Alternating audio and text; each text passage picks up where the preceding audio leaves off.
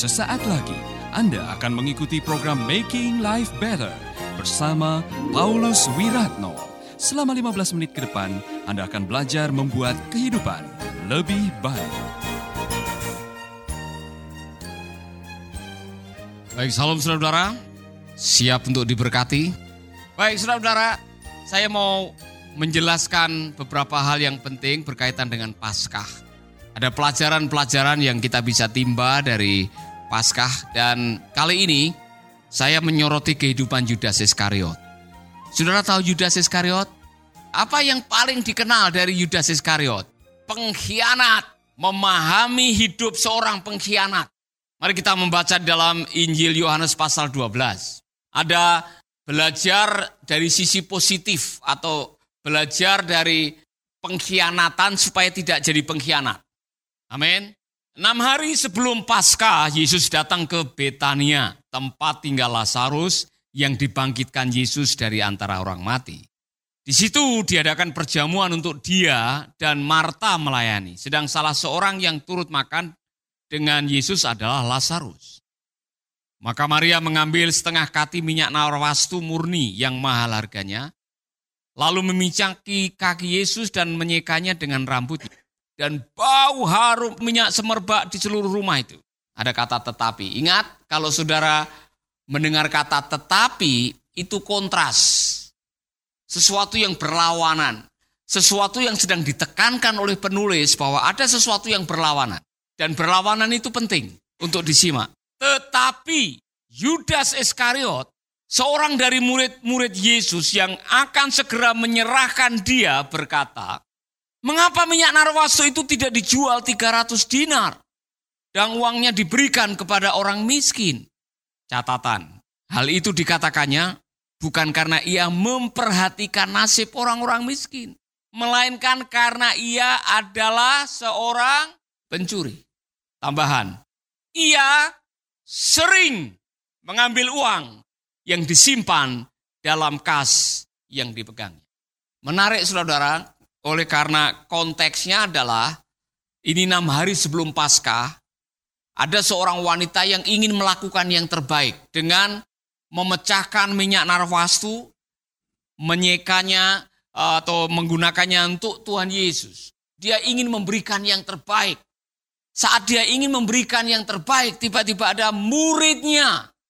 Ada muridnya yang ingin mengambil yang terbaik. Jadi, saudara-saudara, di dalam kisah ini kita menemukan bahwa seorang pengkhianat itu adalah seorang yang punya agenda sendiri. Dia bisa bersama-sama dengan gurunya, dia bisa satu base tapi lain arah. Bisa dalam sebuah organisasi tapi lain tujuannya. Dia adalah seorang yang sudah dari sononya waktu bergabung, dia tidak murni ingin mengikut Yesus. Kalau saudara bisa melihat di sini, ia sering mengambil uang yang disimpan dalam kas yang dipegangnya. Jadi sebetulnya Yudas sudah punya kebiasaan yang buruk. Yaitu kebiasaan memanfaatkan. Kebiasaan mengambil keuntungan pribadi. Kebiasaan mencuri. Dan ini tidak diselesaikan. Saudara-saudara, di dalam kehidupan ini, saudara akan bertemu dengan orang-orang yang satu kampus, satu asrama, satu pelayanan, barangkali satu organisasi, kelihatannya sama-sama, ke mana pun Anda pergi dia berada di situ, tapi hatinya lain. Dia bisa bersama-sama dengan saudara. Nah ciri-cirinya saudara salah satunya karena itu hati. Jadi hati seorang pengkhianat ialah dia mau mengambil keuntungan dari pertemanan. Jadi kalau saudara ketemu orang yang setiap kali ketemu dengan saudara, saudara hatinya hanya satu, hanya untuk mengambil keuntungan dari persahabatan, dia pengkhianat. Jelas ya? Amin. Dia bisa menggunakan segala macam cara, yang penting saya mendapat. Jadi motivasi di balik pengkhianatan adalah ingin mendapatkan keuntungan pribadi. Nah saya mau mengatakan kepada Anda semuanya, kalau ada benih itu dalam diri Anda, benih berkhianat, memanfaatkan hubungan, memanfaatkan persahabatan, memanfaatkan apa saja semata-mata hanya satu, mengambil, mengambil, mengambil, mengambil. Saudara harus mewaspadai hati saudara. Sebab kalau tidak, dia akan memimpin saudara ke tiang gantungan. Nanti saudara akan melihat. Sifat itu adalah tindakan bunuh diri. Karena suatu saat Anda akan kena getahnya. Waspadalah. Jadi itu hatinya. Ucapannya, mari kita akan dengar ucapan seorang pengkhianat. Tetapi Yudas Iskariot, seorang dari murid Yesus yang akan segera menyerahkan dia berkata. Coba dengar katanya. Dengar kalimatnya. Bagus tidak kalimatnya saudara-saudara?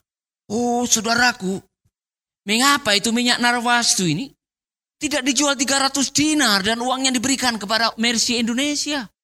Kenapa kok boros-boros itu? Sisihkan uangmu, masukkan, kirim ke kita bisa untuk proyek Mercy Indonesia. Itu ucapannya. Kedengarannya sangat sosial.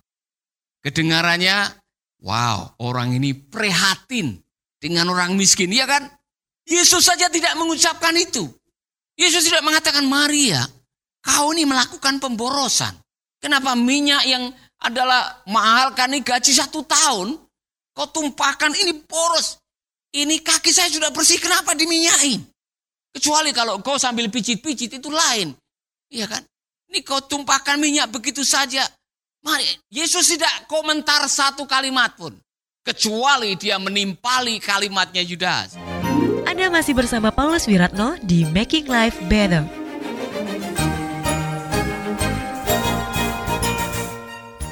Murid-murid yang lain tidak ada sewot yang tidak ada masalah. Hanya Yudas yang punya komentar seolah-olah prihatin dengan orang miskin. Mengapa minyak narwasu ini tidak dijual 300 dinar dan uangnya diberikan kepada orang-orang yang miskin? Waspadai kata-kata seorang pengkhianat.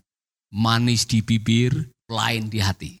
Saudara-saudara, kalau ada orang yang datang kepada saudara manis di bibir, wah menyanjung saudara seolah-olah ingin menciptakan kesan kau hebat luar biasa. Hati-hati. Jangan percaya 100%, katakan amin. Ya kan?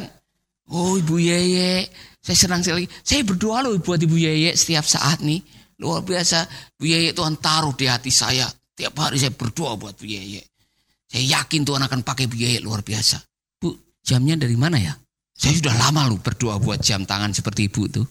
Waspada. Kalimatnya seolah-olah memberikan simpati yang luar biasa, tapi jauh di lubuk hatinya dia ingin mengambil keuntungan. Waspadalah dengan pengkhianat. Amin ketika dia tidak mendapatkan apa yang diinginkan walaupun ucapannya menggiurkan, langsung sikapnya berubah. Dulu waktu suka dengan Anda, waduh setiap hari giliran kemauannya tidak dikasih atau tidak didapatkan, langsung dia bertolak arah, berbeda arah dan menjauhi saudara. Pengkhianat. Jadi waspadai ucapan pengkhianat. Manis di bibir, lain di hati. Saudara-saudara, pelajaran berikutnya.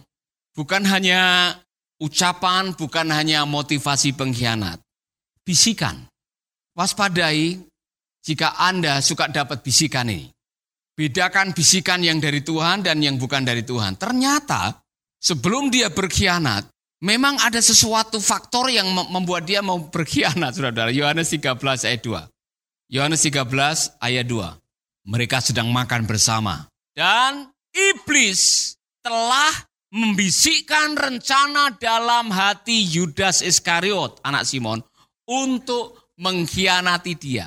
Di balik keinginannya untuk mendapatkan, ada juga oknum lain yang memang dari dulu sukanya berkhianat. Dari sononya, waktu di surga dia juga berkhianat. Waktu dibuang ke bumi, dia masih membawa sikap yang sama berkhianat. Itulah sebabnya dia suka membisikkan kata-kata yang membuat orang tidak setia. Karena kesetiaan itu bukan jiwanya.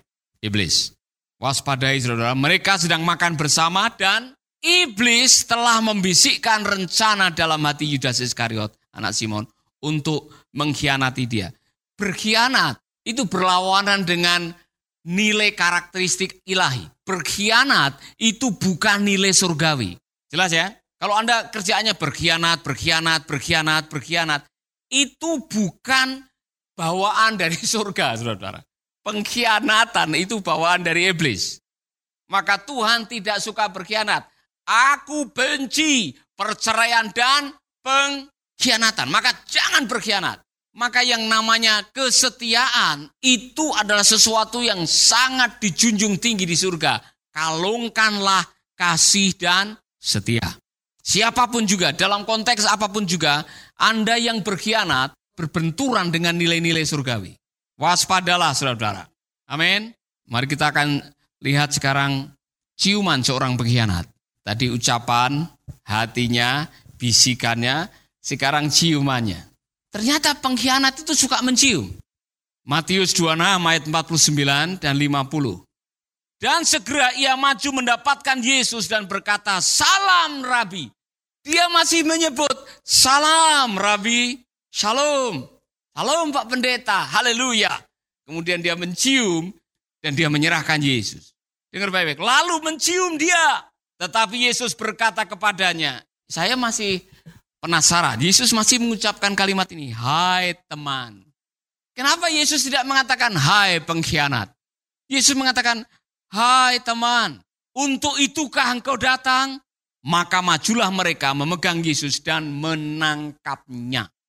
Saudara-saudara, apa yang kita bisa belajar dari Yudas di sini? Seorang pengkhianat, dia tidak tahu malu, ya kan?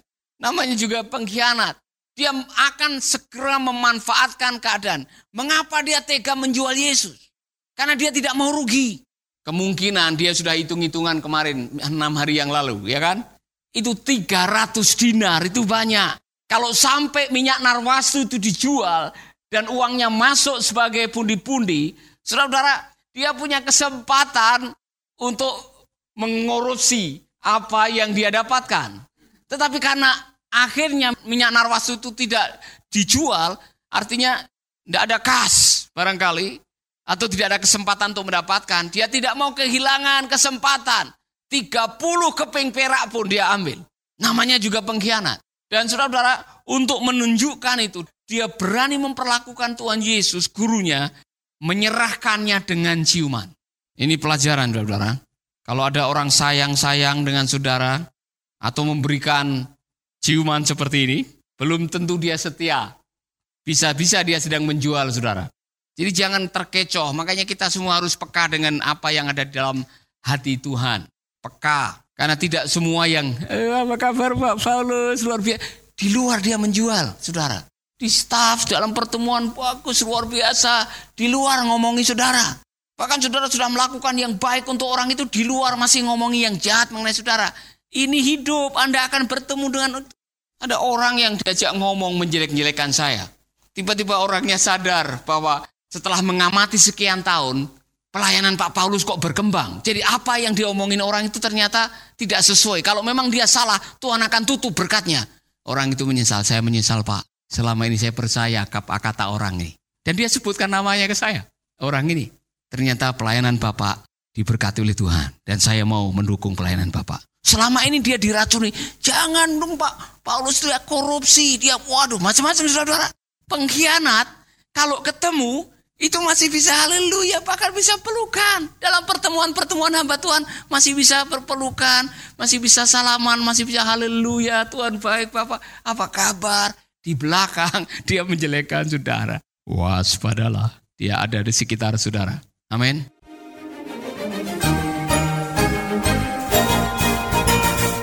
Baru saja Anda mendengarkan Making Life Better bersama Paulus Wiratno. Jika Anda diberkati, kirimkan kesaksian Anda ke Radio Dian Mandiri Jalan Intan LC2 Gang 4 Nomor 1 Denpasar, Bali. Kunjungi website kami di www.pauluswiratno.org Facebook Paulus Wiratno. Hubungi kami di 081 338 665500 Sekali lagi 081 338 665500. Terima kasih, Tuhan memberkati.